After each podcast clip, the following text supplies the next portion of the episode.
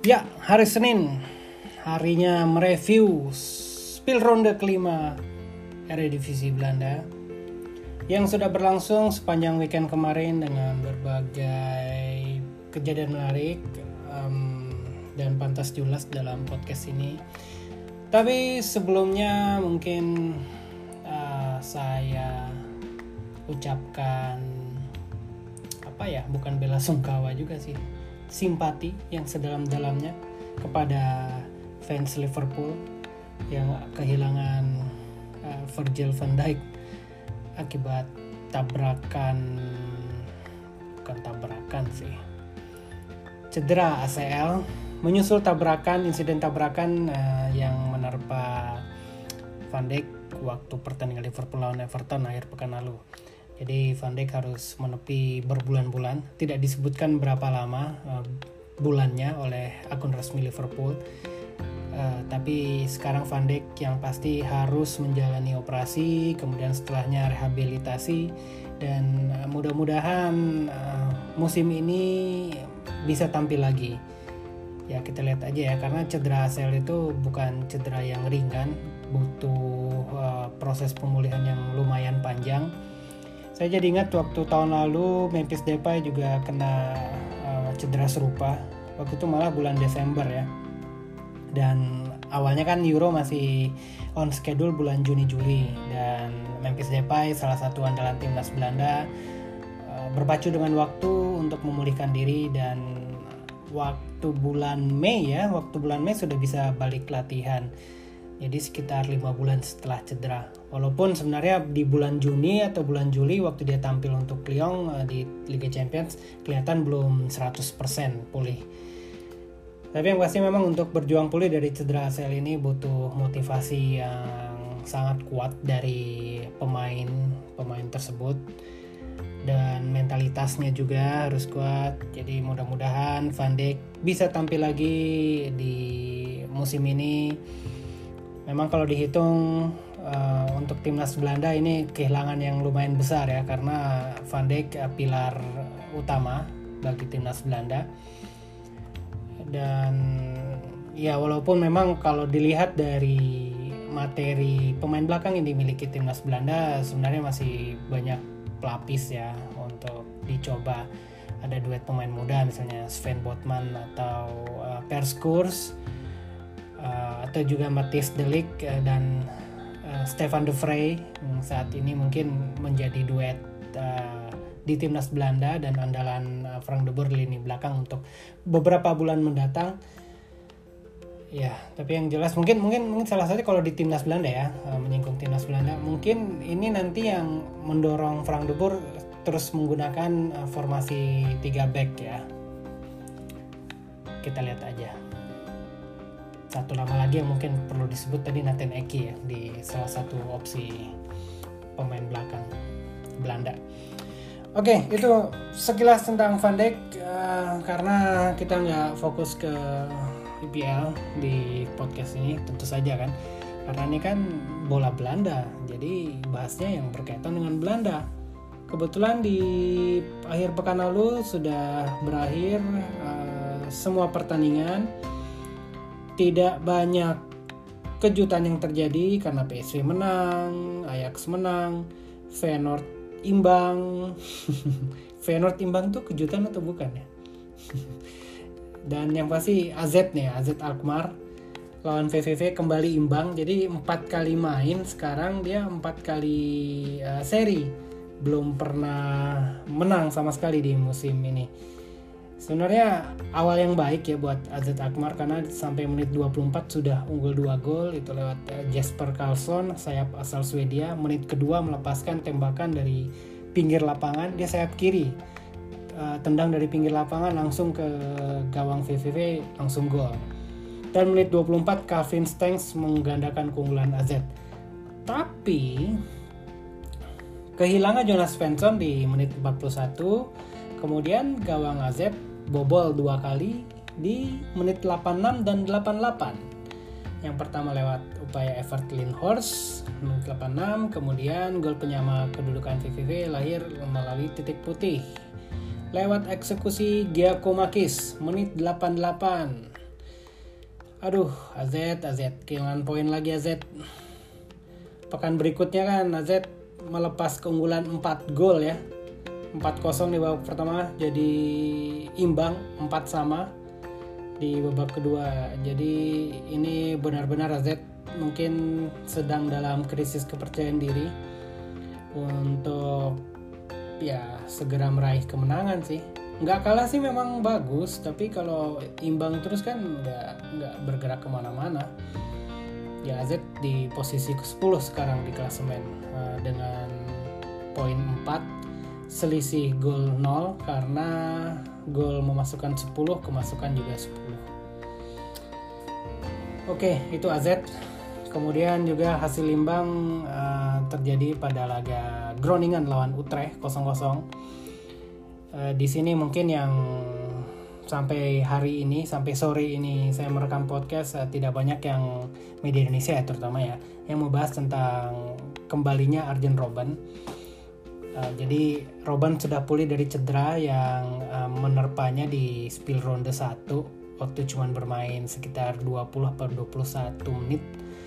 Sekarang dia udah pulih cederanya dia tampil sebagai pemain pengganti masuk di menit 74 dan ya meski demikian tidak mampu uh, memberikan poin penuh sih bagi Groningen walaupun Groningen main di kandang sendiri. Next time I will shoot kata Robin janji kepada fans setelah pertandingan. Dan setelah pertandingan juga dia wawancara oleh Nos, dia bilang dia harus pulang naik sepeda. Bayangin ya, uh, pemain bola pulang dari stadion habis main bola tapi pulangnya naik sepeda gitu. It happens di Belanda dan it happens with Agent Robin cuma masalahnya dia nggak punya lampu katanya di sepedanya jadi jangan bilang-bilang ke polisi ya gitu oke okay. uh, eh, itu Groningen lawan Utrecht uh, Feyenoord Feyenoord lawan Sparta Derby Rotterdam satu sama awalnya mungkin um, awal yang baik ya bagi Feyenoord ya karena menguasai pertandingan dan di pertandingan kali ini menurunkan formasi yang agak ajaib kalau kata saya bilang kalau kata saya bilang kalau saya bilang karena tidak menampilkan penyerang sayap atau sorry tidak menyempeti tidak menampilkan penyerang murni penyerang tengah murni bermain dengan formasi 4-3-3 Dick Advokat malah memainkan tiga pemain sayap sekaligus di depan yaitu Steven Berghaus, Brian Linson dan juga Texera. Ini antara Texera sama Dimmers saling bergantian ya uh, merangsek dari lini kedua. Tapi kalau saya lihat perannya Dimmers ini lebih ke penghubung dari tengah ke depan. Cuman memang nggak banyak apa ya nggak banyak peluang yang dihasilkan oleh Feyenoord dari formasi ini. Terbukti sepanjang pertandingan mereka cuma bisa melepaskan satu tembakan tepat sasaran. Itu pun melalui back kiri mereka Ridgesiano Habs kaki kanan pula yang lolos dari kayaknya lewat kolong ya lewat kolong pemain Sparta dan uh, menjadi gol di menit 44 dan menjadi satu-satunya gol Feyenoord uh, pada pertandingan. Sekaligus juga, sekaligus juga satu-satunya tembakan akurat bagi Feyenoord di pertandingan itu.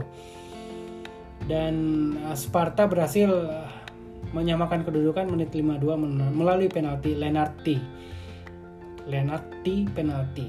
Jangan salah dengar ya. Lenarti ini namanya Lenart L E N N R A R T T H Y.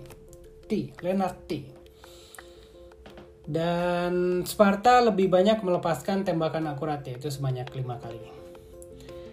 Um, Sparta kalau saya lihat ada pemain yang menjanjikan tuh namanya um, Abdu Harui pemainnya Yong Aranya. Dia kalau di Yong Aranya mainnya di gelandang gelandang tengah atau sebagai nomor 6 ini posisi yang disukai oleh Harui. Dan ini yang mendorongnya ingin pindah klub karena di Sparta dia dimainkan Hank Fraser di kanan kanan terus bagian kanan dia kurang suka dan waktu Groningen mengajak bergabung dia tertarik karena Groningen menjanjikan untuk memainkannya di tengah. Cuman akhirnya ditahan oleh Sparta dan Fraser katanya membujuk Harvey supaya ya udahlah coba dengan uh, kebutuhan kita kebutuhan tim. Sparta kan bukan Aranya gitu dan kita punya keterbatasan materi juga kenapa itu Harui dimainkan sebagai sayap kanan itu kurang lebih penjelasan dari Hank Fraser kepada Harui Cuman kalau saya lihat ya Harui di Yong Aranya ini bisa main inti ya, bisa dapat posisi inti di antara beberapa pemain uh, gelandang lain, misalnya Ludovic Reis ya, pemain Barcelona yang musim ini dipinjamkan ke Osnabrück, uh, klub divisi 2 Bundesliga Jerman. Dan juga mungkin ada hubungannya dengan dipanggilnya Thun Kop Miners ke skuad senior Belanda. Jadi ada posisi nomor 6 yang kosong di situ dan dipercaya Harui di situ. Dan saya lihat mainnya Harui waktu lawan Feyenoord kemarin lumayan ya menjadi motor kreatifnya Sparta. Bahkan mungkin uh, ada satu kesempatan di akhir babak pertama yaitu Harui uh, melakukan counter uh, membawa bola dan itu ditabrak langsung oleh Tunstra. Pelanggarannya memang benar-benar keras sampai Harui terpental dan uh, harus menerima perawatan karena ada serasa sakit ya di bahu. Tapi wasit cuma memberikan kartu kuning ke Tunstra. Kalau dilihat bobot pelanggarannya mungkin memang pantas diberi kartu merah, tapi ternyata hmm, Tunstra selamat. Masalahnya memang uh, Feyenoord kehilangan Leroy Fair pada pertandingan kali ini karena mengalami cedera hamstring dan belum diketahui nih hamstring bakal ya sorry fair kok kebalik-balik terus? Fair bakal absen berapa lama uh, untuk Feyenoord? Oke okay, itu Feyenoord. Kemudian ada juga PSV lawan Zwolle. PSV menang 3-0 menang ini ya bermain dengan nyaman sih karena saya lihat formasi Roger Smith sudah semakin menemukan uh, pemain-pemain uh, yang pas ya. Um, tiga gol PSV tercipta di babak pertama. Gol pertama itu diciptakan pemain baru pemain baru mereka yaitu Mario Götze menit 9 setelah ada kesalahan dari uh, pemain Zwolle yaitu Limans yang melakukan back pass kepada kipernya Zetterer. Tapi langsung dikejar oleh Gotze berhasil dikejar. Kemudian satu gerakan Zetterer dikecoh gawang kosong dan jadilah gol. Itu menjadi gol pertama Gotze sejak pindah klub. Sekaligus sekaligus juga uh, hasil dari tembakan pertamanya ke gawang lawan jadi dari satu kali tembakan sudah bisa menghasilkan gol. Dan Gose terpilih menjadi man of the match pada pertandingan kali ini oleh PSV sendiri ya. Walaupun ya kalau saya sempat lihat uh, sepintas sih nggak terlalu apa ya nggak sejak gol itu nggak terlalu kelihatan lagi uh, yang kelihatan tuh justru uh, seperti Gakpo sih Kodi Gakpo.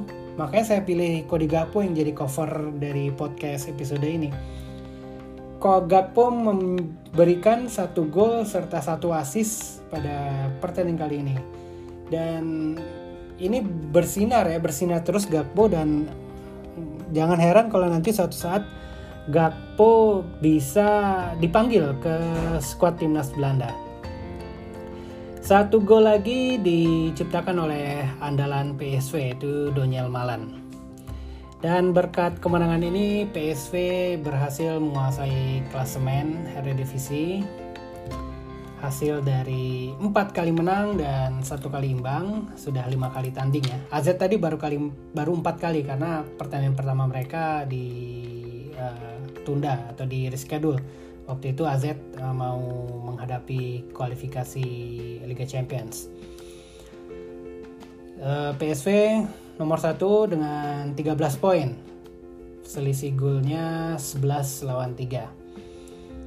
Dan di urutan kedua dan ketiga ditempel oleh Ajax dan Vitesse yang sama-sama uh, mengumpulkan 12 poin hasil 4 kali menang. Dari 5 kali bertanding juga. Sebelum bahas Ajax, Vitesse uh, kita bahas sedikit Vitesse yang di pertandingan kemarin mengalahkan tuan rumah Ado Den Haag 2-0. Meskipun Vitesse bermain dengan 10 pemain sejak menit 45 gara-gara Osman Tanane mendapat kartu merah langsung yang memang disesalkan oleh uh, pelatih Vitesse ya. Dua gol Vitesse diborong oleh pemain pinjaman asal Chelsea, Armando Broja. Dan dilihat dari statistik memang Vitesse yang menguasai pertandingan ya 20 kali melepaskan tembakan 8 kali tembakan akurat dan mungkin bisa jadi ini salah satu kuda hitam dari perebutan uh, Lans Champion musim ini adalah Vitesse di luar Ajax dan PSV ya mohon maaf buat penggemar Feyenoord dan AZ ya tapi menarik kita lihat uh, sepak terjang Vitesse di di di musim ini. Karena waktu lawan Ajax sebenarnya mereka yang menguasai pertandingan loh dan menciptakan uh, peluang lebih banyak. Walaupun akhirnya memang kalah 2-1 gitu. Oke itu Vitesse dan pertandingan berikutnya yang dibahas adalah Ajax lawan Heerenveen. Ajax menang besar 5-1. Uh, lagi-lagi kemenangan mirip PSV ini kemenangan yang nyaman uh, bagi Ajax. Sudah unggul 3 gol lebih dahulu pada babak pertama. Dusan Tadic uh, menciptakan dua gol pertama, satu melalui eksekusi penalti, satu lagi tendangan Mohamed Kudus. Di babak kedua uh, kembali Ajax. Ajax sebenarnya sempat kebobolan lewat Hank Firman menit 66 tapi ketika Heerenveen mendapat harapan untuk eh, menyusul kedudukan, malah mereka menderita penalti kedua. Dan itu dan itu bisa dimanfaatkan dengan baik oleh pemain debutan mereka, yaitu Davy Klaassen. Ini bukan pemain debutan ya, bukan pemain baru sama sekali baru ya. Tapi um, ya tapi ini penampilan perdana lagi penampilan perdana lagi dari Klasen uh, setelah setelah sempat pindah melalang buana ke Everton dan Werder Bremen. Nah, yang menarik di sini dua penalti Ajax itu diberikan setelah uh, wasit Bjorn Kuipers uh, meninjau VAR. Penalti pertama diberikan setelah handsball yang dilakukan oleh Floranus setelah umpan silang Tadik menghantam lengan Floranus dan akhirnya diberikan penalti setelah sekitar 1-2 menit melihat VAR. Waktu penalti kedua pun juga berdasarkan VAR setelah terlihat di kamera Bertrand Traore kok Bertrand sih? Lasina Traore dihadang oleh di atau di apa ya itu istilahnya. Ditahan oleh Rodney Konggolo uh, pada situasi tendangan penjuru lalu terjatuh dan akhirnya Kuipers memberikan penalti kedua. Dan uh, tadi waktu itu sudah keluar digantikan jadi tidak mencetak hat trick dan penalti dieksekusi dengan baik oleh Klasen.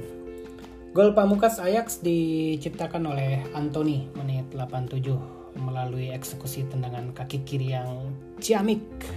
Di menit 87 tadi udah disebut ya. Dan ini menjadi modal berharga bagi Ajax untuk uh, membuka pertandingan Liga Champions mereka hari Rabu nanti ya. Melawan Liverpool di kandang sendiri. Dan Ajax sepertinya sudah menemukan komposisi yang pas di tengah yaitu Klasen, Gravenberch dan Kudus. Kudus lagi-lagi menjadi man of the match pilihan Ajax. Memang uh, waktu dikalahkan Groningen 1-0 spill ronde terdahulu kelihatan lini tengah Ajax tidak terlalu menggigit. Dan kembali ya Kudus mengembalikan um, mengembalikan semangat itu ya mengembalikan kreativitas Ajax di lini tengah mengalirkan bola dari belakang ke depan dan juga uh, memberi pemain-pemain Ajax napas tambahan karena Kudus sangat baik dalam menjaga bola. Ini menarik kita saksikan nanti penampilan Kudus melawan Liverpool. Apakah dia bisa mengulangi performa serupa di Eropa? Itu dia. Ya, dan Kemenangan itu membawa Ajax di seperti yang tadi sudah disebutkan di klasemen mereka nomor 2 bersama Vitesse sama-sama mengumpulkan 12 poin membuntuti PSV yang uh, unggul satu poin lebih banyak. Nomor 4 dan nomor 5 Feyenoord dan Twente. Mereka berdua belum pernah kalah. Tiga kali menang dua kali imbang 11 poin. Dan Twente kemarin uh, menang besar ya di markas Willem Due 3-0